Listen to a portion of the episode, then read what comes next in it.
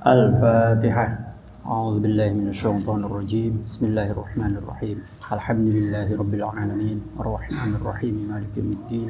إياك نعبد وإياك نستعين. اهدنا الصراط المستقيم. صراط الذين أنعمت عليهم غير المغضوب عليهم ولا الضالين. بسم الله الرحمن الرحيم. فإن لم يجدوا mangka lamun ora nemu sapa kaum taatan ing taat.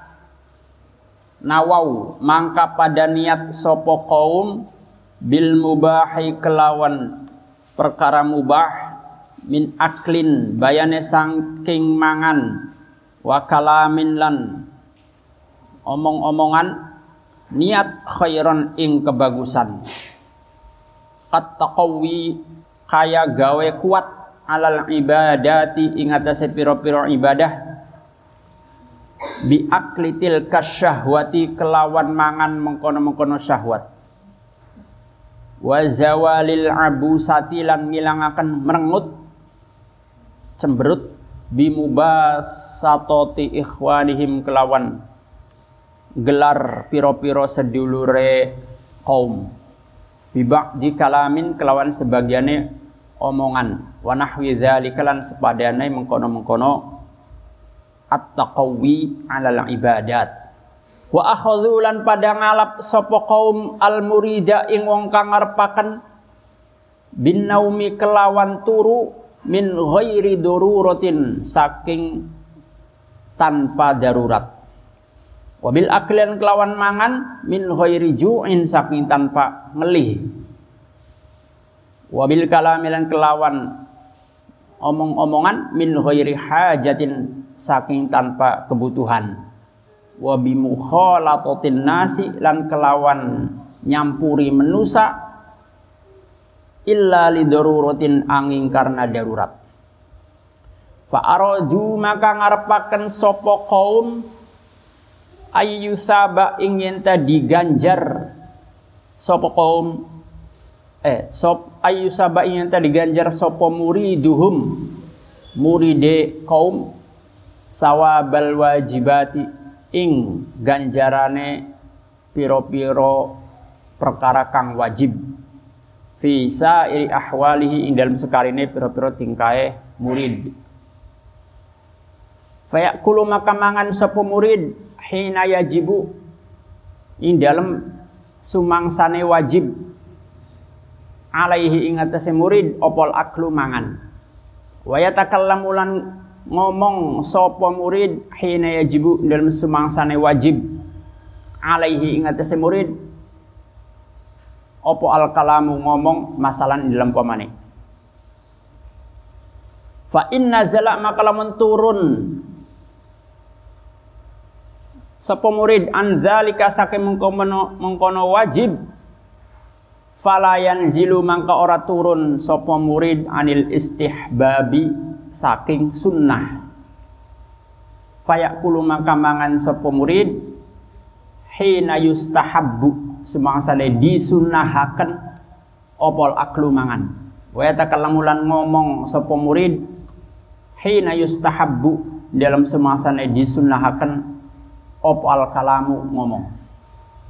Jadi mereka golongan para kekasih-kekasih Allah itu jika tidak menemukan sesuatu untuk dilakukan sebagai ibadah maka aktivitas harian mereka mereka niatkan untuk ibadah. Misalnya makan. Makan ini hukum asalnya bukan ibadah tapi namanya manusia butuh makan. Wali juga butuh makan. Biarpun dia wali jangan wali nabi saja makan butuh makan dan minum. Nah, namanya manusia. Lalu sedangkan para wali itu yang dilakukan adalah semuanya ibadah, sementara makan bukan ibadah. Bagaimana caranya supaya makan ini jadi ibadah? Maka mereka niatkan makannya untuk kekuatan dalam beribadah. Jadi begitu makan diniatkan supaya saya kamu makan niat supaya kamu kuat dalam sholat. Kalau saya nggak makan, kalau kamu nggak makan, nanti sholatnya nggak kuat. baru dua rakaat udah capek karena lapar sih. Maka kita butuh tenaga untuk ibadah. Seperti sholat itu ibadah yang perlu tenaga, apalagi haji ya. Ibadah yang membutuhkan tenaga. Nah, tenaga ini kita dapatkan dari makanan. Maka niatkanlah makan untuk menambah tenaga kita dalam beribadah. Sehingga makannya nanti jadi ibadah.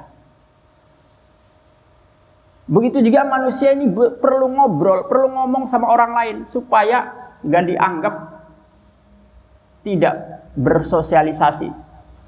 Masa wali kok tidak punya nilai sosial, nggak mau ngomong sama temennya, nggak mau ngomong sama tetangganya.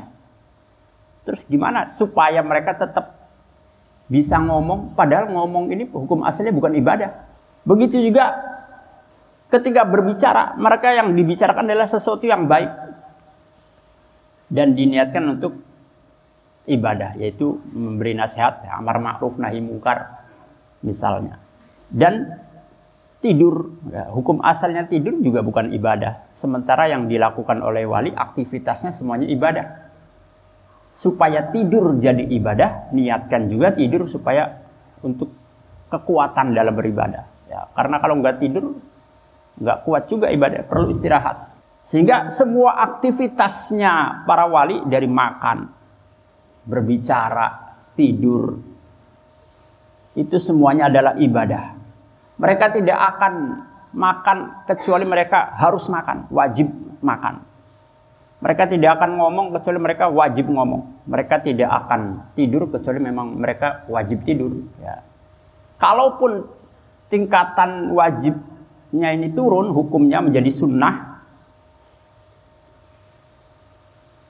maka mereka akan melakukannya tidak akan makan kecuali disunnahkan makan kayak buka puasa makan sahur itu kan sunnah tidak makan kecuali disunnahkan makan. Tidak ngomong kecuali disunnahkan ngomong. Tidak tidur kecuali disunahkan tidur. Dan begitu seterusnya. Aktivitas yang lainnya juga seperti itu.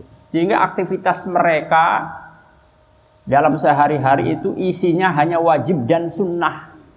Ya, tidak ada yang mubah aja. Nggak ada, apalagi yang makruh, lebih-lebih yang haram. Itu bedanya wali dan bukan wali. Kita ini yang bukan wali, ya makan makan aja kadang-kadang tanpa mikir ini makan buat ibadah atau enggak. Wong perutnya lapar yang dipikir yang gimana supaya perut bisa kenyang itu aja. Ya, mikirnya pendek. Wong matanya ngantuk tidur aja. Nggak mikir tidur ini buat apa. Nah, supaya semuanya jadi ibadah, niatkanlah semua aktivitas kita untuk ibadah. Kalau semuanya jadi ibadah, maka isinya pahala semua. Ya, kamu nyapu asrama itu jangan disangka tidak ada nilai ibadahnya. Asalkan kamu diniatkan untuk ibadah. Berbakti, berkhidmah kepada guru. Ya. Mengabdi kepada pesantren. Kamu niatkan supaya teman-teman bisa sehat. Karena lingkungannya bersih. Lingkungannya sehat. Kamu petugas piket menjaga kebersihan itu. Sehingga kalau teman sehat, mereka bisa beribadah dengan tenang, bisa ngaji dengan nyaman. Sehingga yang kamu lakukan jadi ibadah ya karena menolong orang lain, memudahkan orang lain untuk beribadah. Kita kasih jalan orang supaya mereka mudah beribadah. Salah satu cara supaya teman-teman ini mudah ibadah, nyaman kalau ngaji, ya lingkungannya dijaga kebersihannya yaitu dengan menyapu, ngepel misalkan. Sehingga semua aktivitas harian kamu akan bernilai ibadah semua. Tidak hanya dapat lelahnya tapi nggak ada nilai pahalanya. Sayang banget kalau cuma dapat capeknya tapi nggak ada pahalanya. Wa kadzalika lan kaya mengkono-mengkono. Arodu ayyusaba. Ya, ada kalimat di atas tuh. Fa'aradu ayyusaba. akhadhu pada ngalap sopo kaum al murida ing wong kang arepaken bin nisyani kelawan lali. Wabil ihtilami lan kelawan ngimpi. Wabimad dirijli lan kelawan dawa akan sikil fi lailin ing dalam wengi au naharin atawa awan illa lihajatin angin karena kebutuhan. Wa akhadhuhu lan pada ngalap sapa kaum ing murid bil khawatiri kelawan piro-piro perkara kang gumrenjet walau lam tastaqirra senajan ora tetep apa khawatir wa akhadhuhu lan pada ngalap sapa kaum ing murid bi akli syahawati kelawan mangan piro-piro syahwat al mubahati kang mubah. Likauniha karena anane syahwat ikut tuqifu mandegaken opo syahwat anit tarokti saking munggah munggah makom wa fi zaburi sayyidi Dawud dan di dalam zabure Sayyid Dawud. Nabi Dawud maksudnya. Alaihi iku ing atase Sayyid Dawud. Assalamu alaikum selamatan ya Dawud he Dawud. Hadir. Meringatakan nasira. Wa anzir lan meden medeni asira. Kau maka ing kaum sira an aklis syahwati saking mangan pira-pira syahwat fa inna quluba ahli syahwati maka setuhune piro-piro atiye wong kang ahli syahwat iku mahjubatun dihalang ditutup ani saking isun isun di sini Allah ya. Dalam kitab Zaburnya Nabi Daud ada kalimat seperti ini. Wahai Daud, kasihlah peringatan dan kasih mereka kaummu peringatan ya supaya meninggalkan makan syahwat, makan yang enak-enak bukan karena untuk ibadah. Ya. Karena makan yang dengan dasar syahwat itu menghalangi kaummu dariku kata Allah. Jadi makannya bukan karena menuruti hawa nafsu, ya. Menuruti keinginan selera makan pengennya ini bukan, tapi untuk ibadah. Kalau makan dasarnya menuruti hawa nafsu, sementara hawa nafsu itu menghalangi kita menuju kepada Allah. Nanti makannya jadi bisa jadi tidak diridhoi oleh Allah. Wa kama anna akli wa kama an aklas syahwatilan kaya oliye setuhune. Mangan pira-pira syahwat. Iku trudu ngadohaken opo aklu syahwat al abda ing kaula an hadratillahi saking sandinge Allah taala halemah halur sapa Allah. Fakadzalika maka kaya mengkono-mengkono aklu syahwat madud madru madurrijli utawi ndawaken sikil. Fakadzalika maka iku ya, maka iku kaya mengkono-mengkono aklu syahwat madurrijli utawi ndawaken sikil min ghairi hajatin saking tanpa kebutuhan bijami isu il adabi kelawan perkara kang ngumpulaken rupane suul adab blesake adab. Begitu juga melangkahkan kaki, memanjangkan kaki, maksudnya kaki ini pergi, kita pergi ke mana tanpa ada kebutuhan. Asal ngelancong aja, nggak punya kebutuhan. Itu sama dengan makan, tapi tujuannya memenuhi syahwat. Sama dalam hal su'ul adab, buruk adabnya kepada Allah.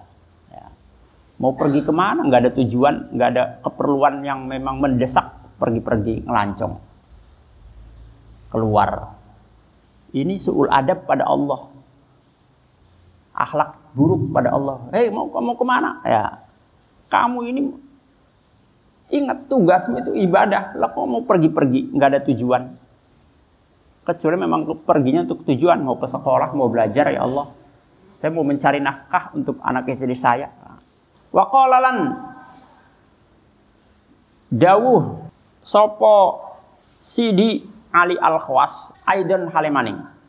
Wa qala dawu sapa Sidi Ali Al Khwas Aidon Halemaning la yablugh la yablughu ora tumeka sapa al muridu wong kang ngarepaken maqam sidqi ing panggonane bener hatta yazida sehingga nambahi sopo murid fi ta'zimi amrillahi dalam ngagungaken perkara Allah taala halemahalur fi ta'zimi amrillahi dalam ngagungaken perintah Allah taala halemahalur Allah wa nahihi lan larangane Allah. Fayaf'alu maka agawe sapa murid al manduba ing perkara kang sunnah ka'annahu kaya kaya setuhune mandub iku wajibun wajib Wayan jitani bulan ngadoi sopo murid al makruha ing perkara kang makruh ka'annahu kaya kaya setuhune makruh iku haramun haram. Wayan jitani bulan ngadoi sopo murid al harama ing haram ka'annahu kaya kaya setuhune haram iku kufrun kufur.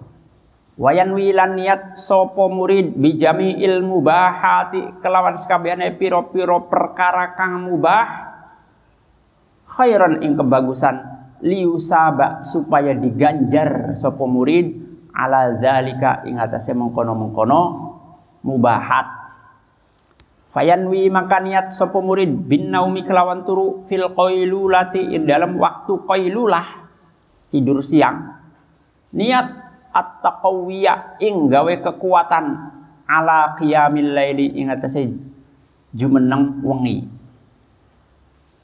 Wa yatanawalulan merkoleh sopo murid ba'dos syahwati ing sebagian pira-pira syahwat limudawati nafsihi karena ngobati awak dheweke murid. Idza nafarat nalikane melayu sopo nafsu opo nafsuhu minal ibadati saking piro-piro ibadah bil kulliyati kelawan sekabehane seseorang tidak akan sampai kepada makom benar dia dalam beribadahnya pada Allah. Makom sidik ya. sehingga dia menambah keyakinannya terhadap perintah dan larangan Allah kita tidak akan mencapai makom sidik benar-benar dalam ibadah kecuali kita bisa mengagungkan perintah-perintah Allah dan larangannya. Sehingga misalnya kita melakukan sesuatu yang sunnah seakan-akan itu wajib. Kita melakukan sesuatu yang makruh seakan-akan itu haram. Kan beda sunnah sama wajib. Beda pula makruh dengan haram. Ya. Sunnah itu kalau ditinggal nggak dosa. Tapi gimana caranya supaya sunnah ini seakan-akan wajib? Kalau ditinggal kok kayaknya dosa. Nah itu barulah orang yang bisa seperti itu nah, makomnya sidik ya. Kalau kita bisa sholat tahajud pada hukumnya sunnah tiap malam sampai-sampai kalau kita tinggal itu mau ninggalin itu berat gak enak hatinya tuh kok saya nggak tahajud tadi malam tuh. Kepikiran terus. Kayak kayak dosa. Kayaknya dosa nih semalam gue padahal nggak dosa nggak tahajud tuh. Ya karena sunnah hukumnya. Itu karena dia sudah menempatkan posisi tahajud seakan-akan wajib buat dia. Ada orang biasa puasa Senin Kemis, suatu hari nggak puasa. Hari Senin suatu hari nggak puasa, padahal nggak puasanya karena sakit, tapi kepikiran terus sama dia. Di hari berikutnya Selasa, aduh kemarin saya nggak puasa Senin, nyeselnya luar biasa. Padahal sunnah kalau ditinggal nggak apa-apa nggak dosa tapi meninggalkannya berat seakan-akan kayak ninggalin wajib. Nah itu baru dia bisa makomnya sidik yang seperti itu. Ya. Yang sunnah saja sudah seakan-akan wajib. Gimana yang wajib? Ninggalin makruh saja seakan-akan ninggalin haram. Padahal makruh kalau dilakukan nggak dosa. Tapi kalau kita lakukan kok kayaknya dosa. Ya sudah di hatinya itu sudah nggak enak mau ngelakuin ini nih makruh nih. Padahal nggak dosa seakan-akan ini haram mau dilakukan nggak berani aduh nggak berani ah lo nggak apa-apa itu kan nggak dosa biarpun nggak dosa itu makruh saya nggak berani hati saya berat melakukan ini Kalau sudah sampai tingkatannya seperti itu, makomnya namanya makom sidik. Ya. Sunnah seakan jadi wajib, wajib eh makruh seakan-akan jadi haram. Lah kita ya boro-boro sunnah seakan-akan jadi wajib pula wong wajibnya aja kadang-kadang kita sepelein ya hal-hal yang wajib aja masih dengan entengnya kita tinggalin suatu hari Imam Ghazali bertanya kepada murid-muridnya perkara apa di dunia ini yang paling ringan, paling enteng? Muridnya menjawab kertas, ada yang jawab kapas, ada yang menjawab angin. Semua itu salah. Meskipun semuanya itu memang benar enteng, tapi bukan itu maksud pertanyaan Imam Ghazali. Perkara yang paling enteng di dunia ini adalah ninggalin sholat. Sholat yang wajib. Ya. Itu enteng aja orang ninggalin sholat tuh nggak ada beban, nggak di hatinya nggak gelisah, nggak kepikiran, nggak ngerasa dosa, fine fine aja, enjoy aja. Kan banyak udah orang seperti ini nih, ya. Enteng banget ninggalin sholat itu, nggak sholat wajib kok, nggak ngerasa salah, nggak ngerasa dosa, nggak kepikiran, nggak nyesel sama sekali. Terus saja tiap hari besoknya kayak gitu lagi, biasa aja. Lah, kita kadang-kadang yang wajib aja dengan mudahnya kita tinggalin tanpa ngerasa bersalah. Masih jauh berarti kita ini dari makom sidik. Meningkatlah sedikit aja itu jangan mudah meninggalkan wajib. Ya, jangan nganggap enteng. Meskipun sunnah ini masih belum kita tempatkan seperti seakan-akan wajib, tapi paling enggak yang wajib jangan mudah kita tinggalin. Ya, itu aja dulu. Jangan dulu jauh-jauh deh ke sini ke makom sidik. Ini aja dulu ngaji wajib, sholat wajib, itu aja dulu sekolah wajib, itu aja dulu ya. Lakukan yang jadi kewajiban kamu. Jangan dengan mudahnya nggak sekolah enak-enak aja ditinggal, nggak ngerasa bersalah, nggak merasa nyesel sama sekali. Padahal itu kewajiban.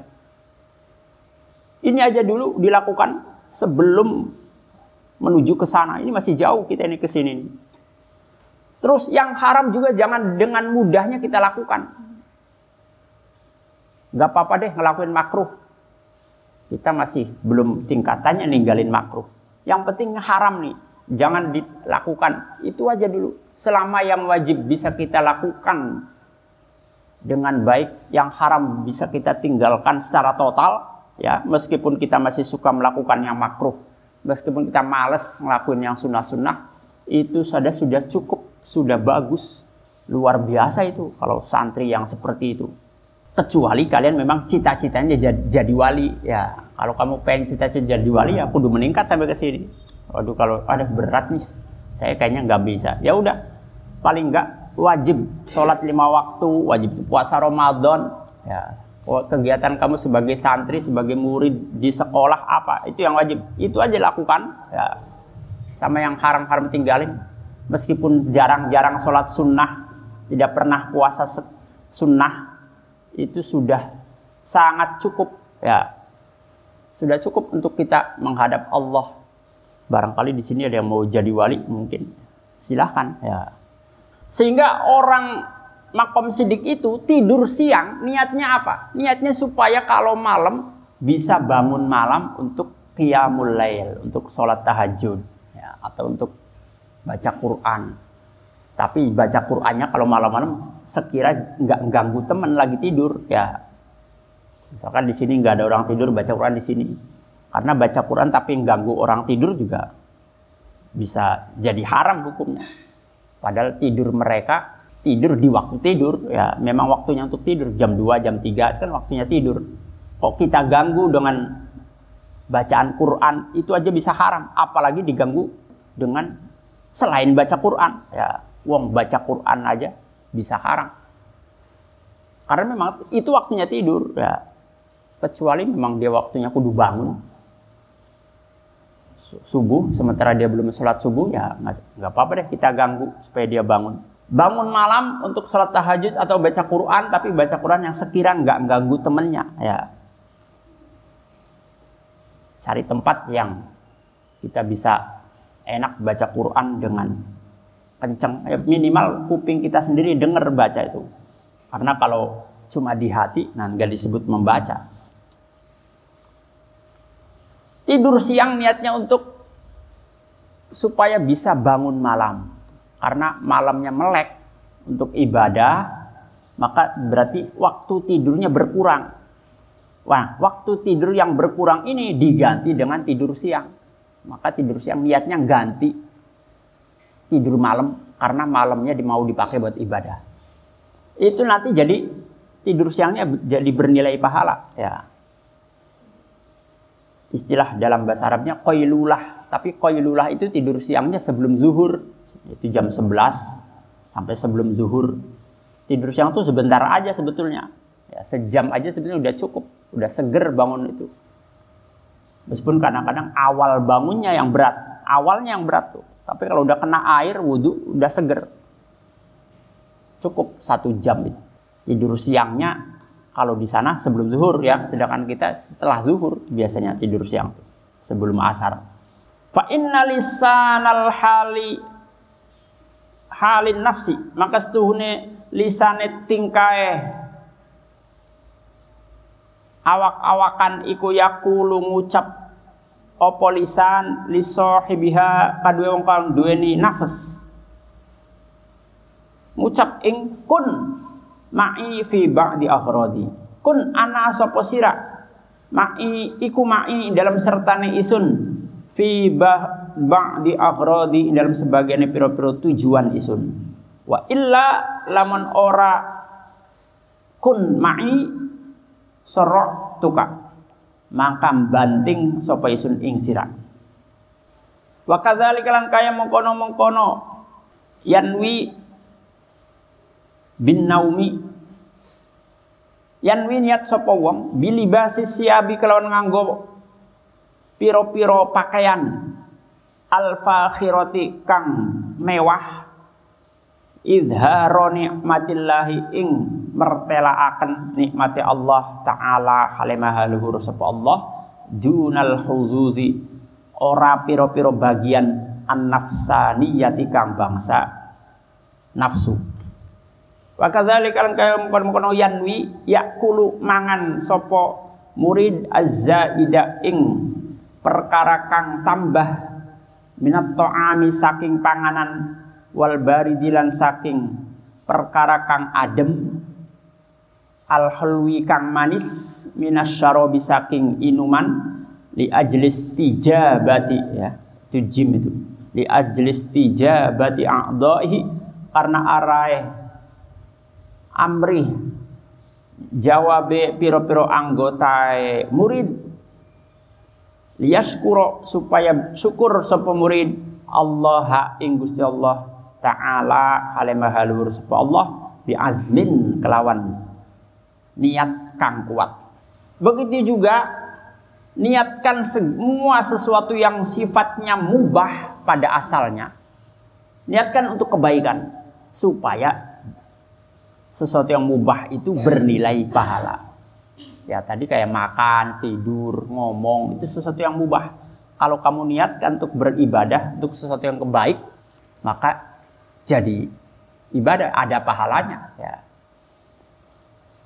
Sementara untuk pakaian, kita memakai pakaian yang bagus. Niatkan untuk menampakkan nikmat Allah. Wa, wa amma binikmati rabbika fahaddis. Ya, nikmat Allah itu ceritakan. Saya dapat nikmat dari Allah. Ya. Tampakkan kepada orang lain sebagai salah satu bentuk syukur kita dari nikmat. Saya punya pakaian bagus bukan untuk sombong, bukan untuk pamer pada teman, tapi saya sedang menampakkan nikmat yang Allah berikan kepada saya. Bahwa Allah telah memberikan nikmat berupa pakaian bagus ini yang saya kenakan sekarang ini, misalnya begitu ya. Supaya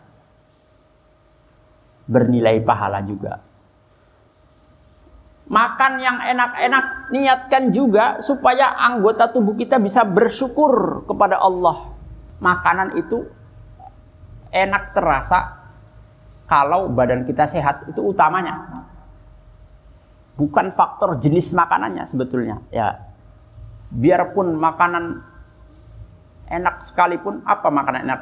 Paling enak menurut kamu? Rendang. Apa misalnya? Rendang taruhlah. Makanan paling enak menurut kamu rendang. Itu nggak akan terasa enak kalau kita sedang sakit. Ya, enaknya rendang kalau kita lagi sehat. Rendang atau tempe atau oreng-oreng sama aja rasanya kalau lagi sakit mah. Ya. Jadi faktor penentu utama jadi nikmatnya rasa makanan sebetulnya adalah badan yang sehat. Nah, kita dalam keadaan badan sehat terus makan enak supaya semakin bersyukur pada Allah bahwa lidah saya pernah mencicipi makanan enak yang Allah berikan. Alhamdulillah saya pernah mencicipi makan enak. Allah telah memberi nikmat saya. Lidah saya bisa merasakan nikmatnya makanan, enaknya minuman. Tujuannya syukur, ya mensyukuri nikmat supaya makannya jadi ibadah. Bukan sekedar memuaskan hawa nafsu, sekedar pengen pengen makan rendang, perut kenyang, nggak ada tujuan bersyukurnya, nanti nggak ada ibadahnya, nggak ada pahalanya. Itu yang dilakukan oleh murid-murid tasawuf, orang-orang yang sedang belajar menuju menjadi orang sufi, ya. Waqad kana lan teman-teman ana sapa Abdul Hasani As-Sadzili Syekh Abdul Hasan As-Sadzili rahimahu. Muga-muga melasi ing Abdul Hasan. Sapa Allah Gusti Allah taala halimah haluhur sapa Allah. Iku yaqulu ngendika sapa Abdul Hasan li ashabihi maring pira-pira bature as Abdul Hasan. Kulu mangana sapa sira min atyal bitto'ami saking luwih enake panganan. Wasrobu lan minum masira. Min ala syarabi saking luwih enake inuman. Wanamu lan turu wasira. Ala auto il firoshi. Ing atase luwih empuke lemek tempat tidur maksudnya.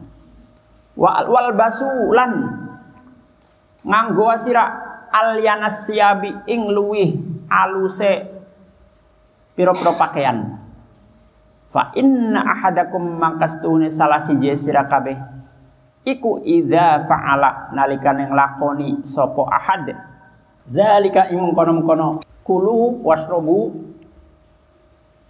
Wa qala lan ngucap sapa ahad. Alhamdulillah ing alhamdulillah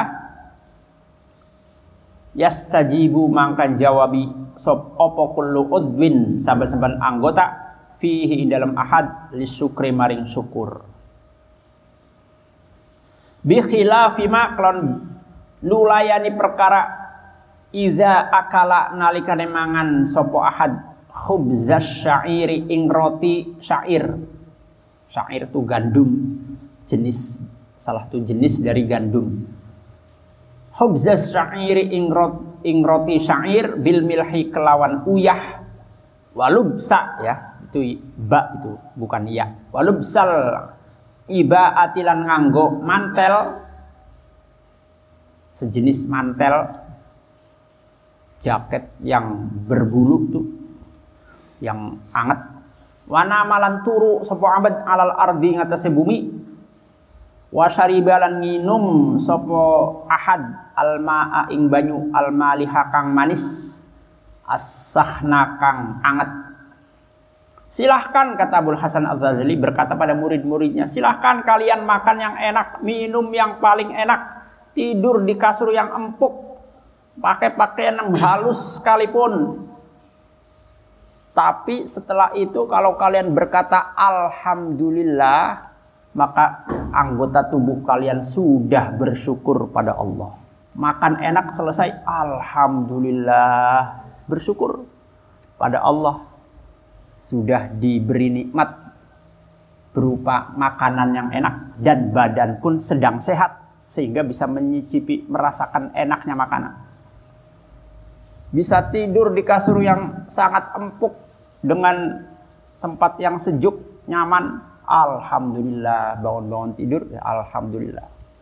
Minum yang paling enak, alhamdulillah. Itu sebagai bentuk syukur anggota tubuh kita terhadap nikmat-nikmat itu ya.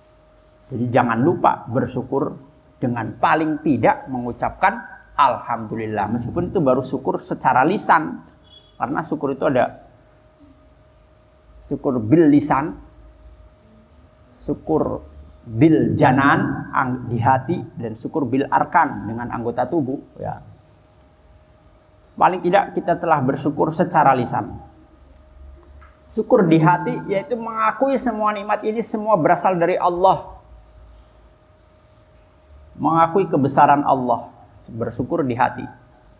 Disyukur anggota badan yaitu menggunakan anggota tubuh, anggota badan kita untuk taat kepada Allah.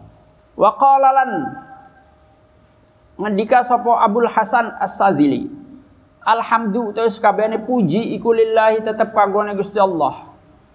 Eh, wa qalan ngucap sapa ahad ya.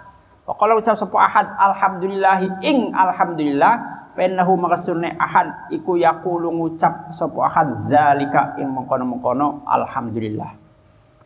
Zalika ing mengkono alhamdulillah wa indahulan iku ing dalem sandinge ahad. Isti ismi zazun utawi gelisah. Wabuhdun lan sengit. Eh wab wa ba'du suhtin lan sebagiannya sengit. Ala makdurillahi ing atase kang ditakdiraken Gusti Allah.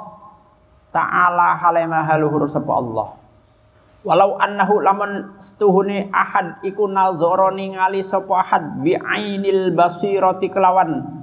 Mata peningal lawajada maka yakti nemu sapa ahad. Al ish bi zaza ing gelisah wasukhta lan sengit. Alladzi indahu kang ing dalam sandinge ahad. Iku yarjihu yarji'u ya balik opo ismi zaz atau alladzi ya iku yarji'u balik opo alladzi fil ismi dalam dosa. Alaman ingatase wong tamat ta'a kang seneng-seneng sapa man bidunya kelawan dunia biyaqinin kelawan yakin. Fa innal mutamatti'a maka stune wong kang seneng-seneng bidunya kelawan dunia iku fa'ala. Agawe sapa mutamatti' ma ing perkara abahahu kang menangaken ing ma sapa al haqqu Gusti Allah subhanahu kelawan maha suci. Al haq wa ta'ala lan hale maha luhur sapa al Waman utus sapane wong iku kana anak iku indahu indal mesandinge man opo ismi zazun gelisah wasuhtun lan sengit. Faqad fa'ala maka teman-teman agawe sapa man ma ing perkara harramahu kang ngaramaken ing ma sapa al haqqu Gusti Allah. Azza maha luhur wa sapa al haq wa jallalan maha agung sapa al haq. Waf'al lan agawe sapa sira zalika yang kurun mazkur ya akhi he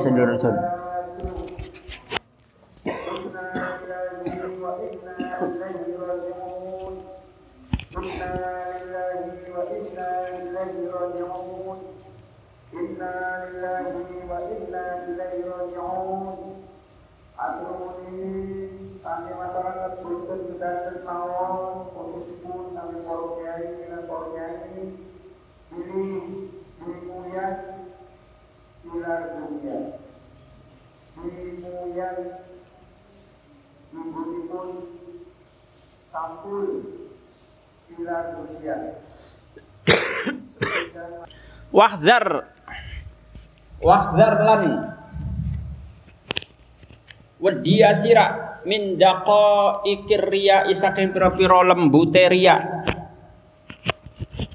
khaufan karena wedi min il ujuri saking kesia-siai pira-pira ganjaran wa zulmatil qalbi lan petenge ati.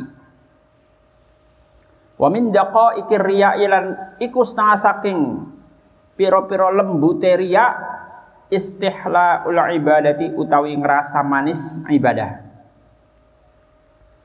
Qala dawuh sapa sahibul wasiyati wong kang duweni wasiat. Sumun iku racun qatilun kang mateni muhbitun kang ngapus lil amali maring amal.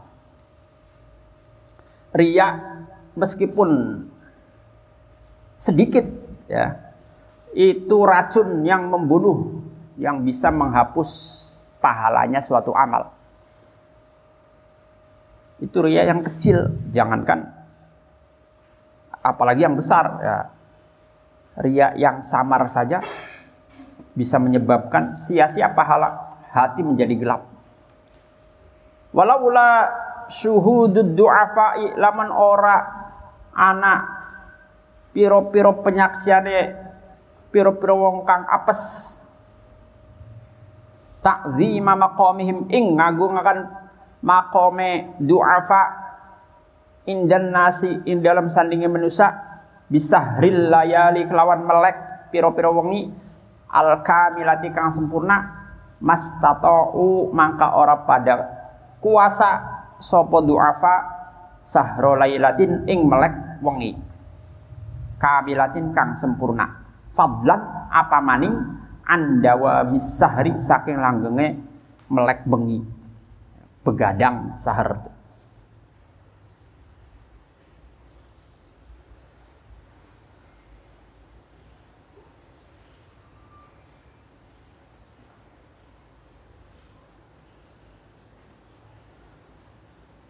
Kadang-kadang orang kuat bangun malam bergadang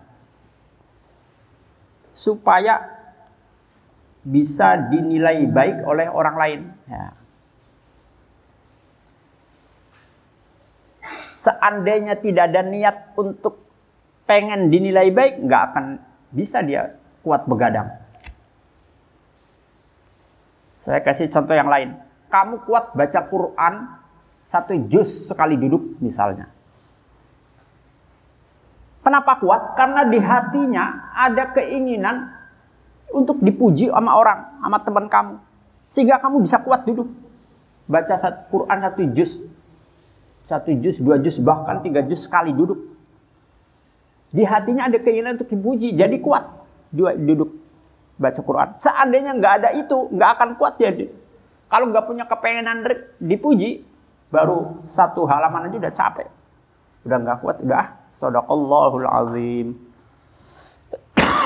ya, jadi kadang-kadang memang ria itu menguatkan kita untuk beramal. Ya. Di satu sisi ada sisi baiknya.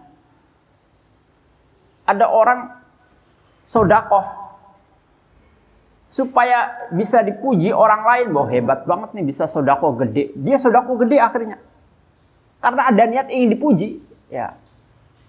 Niatnya ingin dipuji itu membuat dia bisa sodako gede, berani. Saya berani sodako gede.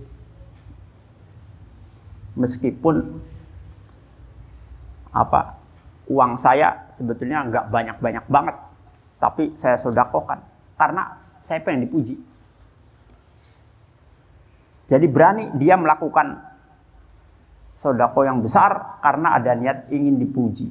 Seandainya nggak punya kepengenan ingin dipuji, nggak akan dia, nggak ah siapa yang mau muji saya kalau saya sodako gede, nggak ada sedikit aja. Kemarin-kemarin saya sodako gede, nggak ada yang muji. Saya sodako 10 juta, 20 juta, semua biasa aja, nggak ada yang memuji saya. Kapok akhirnya, ya akhirnya udahlah kecil-kecil aja, 100 ribu aja Orang juga yang ada yang peduli saya sudah keberapa. Di satu sisi memang ada sisi baiknya ria itu menjadikan kita bersemangat untuk melakukan kebaikan. Tapi di sisi lain ria menghapus dosa. Juga di sisi lain kalau pujian itu tidak didapatkan akhirnya kita mengurangi amal. Kemarin bisa baca Quran sekali duduk, sekali nongkrong, tiga juz. selesai baca lah kok teman-teman biasa aja nggak ada yang muji saya nggak ada yang pura-pura nanya kayak nanya aja nggak kamu tadi habis ngapain? Lama banget baca Quran. Yang perhatian aja nggak ada yang perhatiin. Akhirnya besok enggak kemarin aja saya baca tiga juz kali duduk. Teman-teman pada biasa aja nggak nganggep. Akhirnya dikurangi. Besoknya amalnya baca Qurannya nggak satu juz satu halaman aja deh. Ternyata bener saya baca satu halaman juga teman biasa aja. Saya baca sehalaman, saya baca tiga juz, sepuluh juz, nggak ada yang peduli sama saya, nggak ada yang muji. Malah akhirnya bisa jadi dia berhenti baca Quran. Ya, gara-gara pujiannya tidak didapat. Itu jeleknya ria di situ, ngerti ya? Gara-gara pujian yang diharapkan diperoleh ternyata nggak diperoleh, nggak didapat, akhirnya makin mengurangi amal dia. Awalnya sih bagus, ria menjadikan dia bersemangat mendorong dia untuk melakukan suatu amal. Ternyata harapannya supaya dipuji, disanjung oleh orang lain tidak berhasil. Akhirnya dia mengurangi amal. Itu maksudnya tadi, tapi dicontohkan di sini tadi bangun malam ya.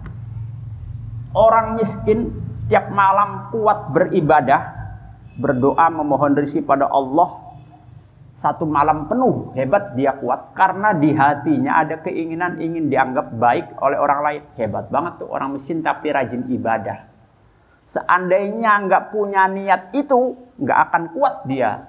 Nggak ada niat untuk pengen dipuji ya. Kalau saja dia tidak ada niat pengen puji nggak bakal kuat dia bangun malam semalam penuh.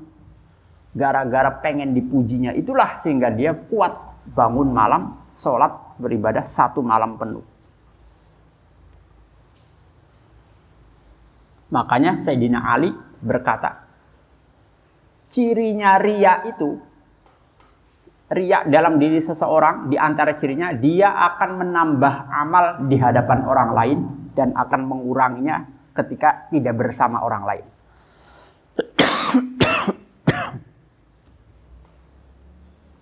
Kamu lah kalau lagi banyak orang rajin baca Quran. Ketika sepi liburan, ketika kamu sendirian nggak pernah baca Quran, nggak ada yang bakal muji sih, nggak ada yang liatin kamu. Ya, dikurangi amalnya. Kalau banyak yang lihat, amalnya dibagusin. Ya.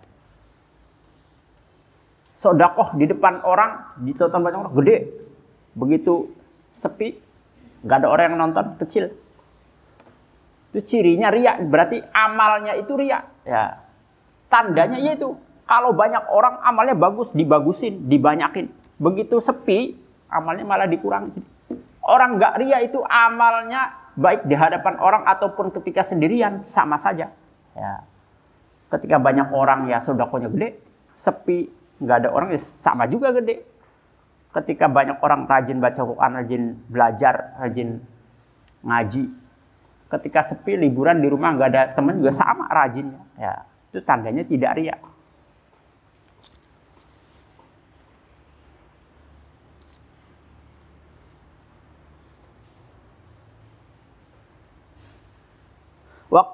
Qad ajma'alan teman-teman sepakat sopol arifuna piro-piro kang arif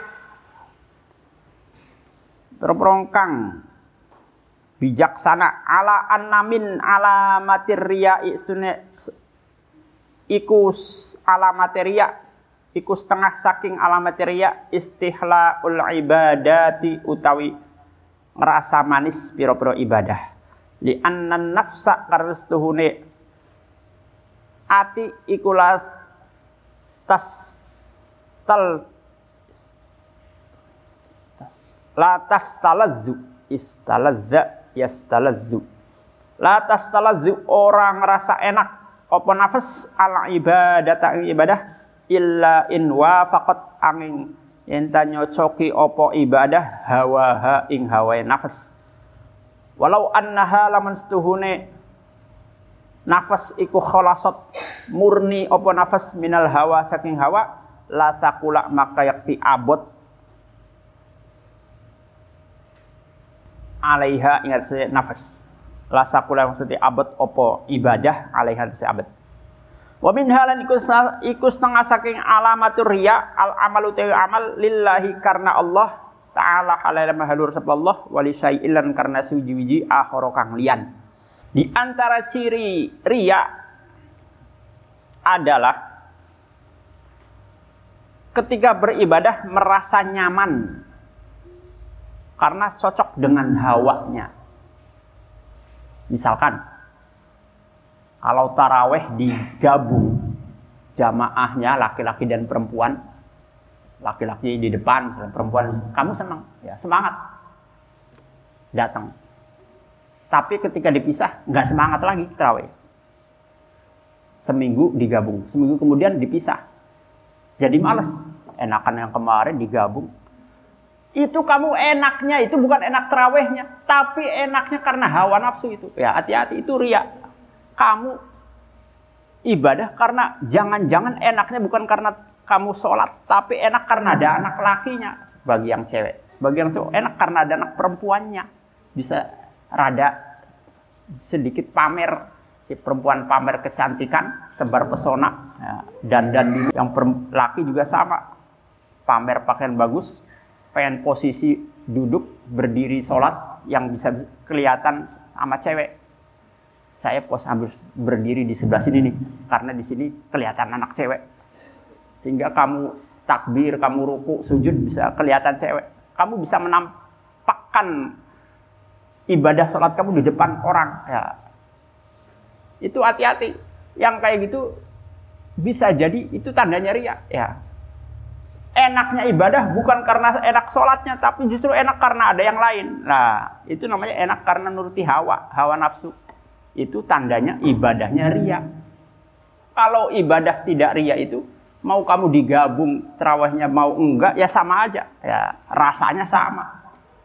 Kalau kalau rasanya beda, lebih enakan yang ada cowoknya. Atau ngaji, enakan gabung sama cowok daripada ngaji dipisah. Cewek sendiri, saya kurang bisa dandan kalau sesama cewek doang nggak dandan kalau ada cowoknya kan dandan dulu ya pakai pakaian yang bagus, jilbabnya yang bagus, pakai minyak wangi. Nah itu berarti ngajinya kamu itu ria karena pengen dipuji anak cowok. Yang cowoknya sama. Ketika rasa ngaji kok sama saja antara digabung atau enggak, saya tetap senang ngaji. Nah itu berarti tidak ria. Terus di antara tandanya lagi ria adalah beramal karena Allah dan karena orang. Jadi niatnya dua. Memang ada karena Allahnya, tapi ada karena yang lain juga. Ya. Jadi Allah diduakan ini. Namanya Allah disekutukan. Saya niat sholat karena Allah, iya.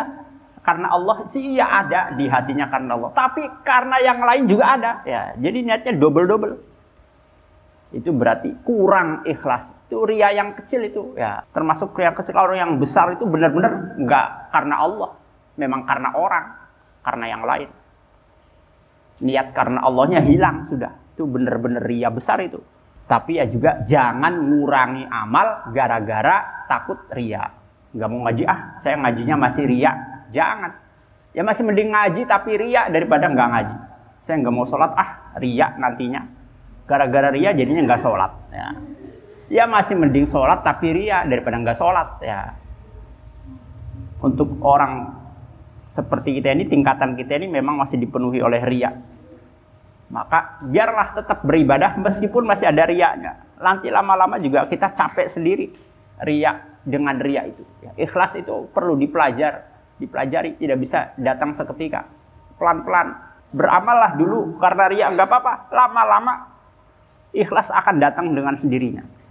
Waqala Sidi Abdul Qadir Wallahu a'lam bissawab. Wassalamualaikum warahmatullahi wabarakatuh.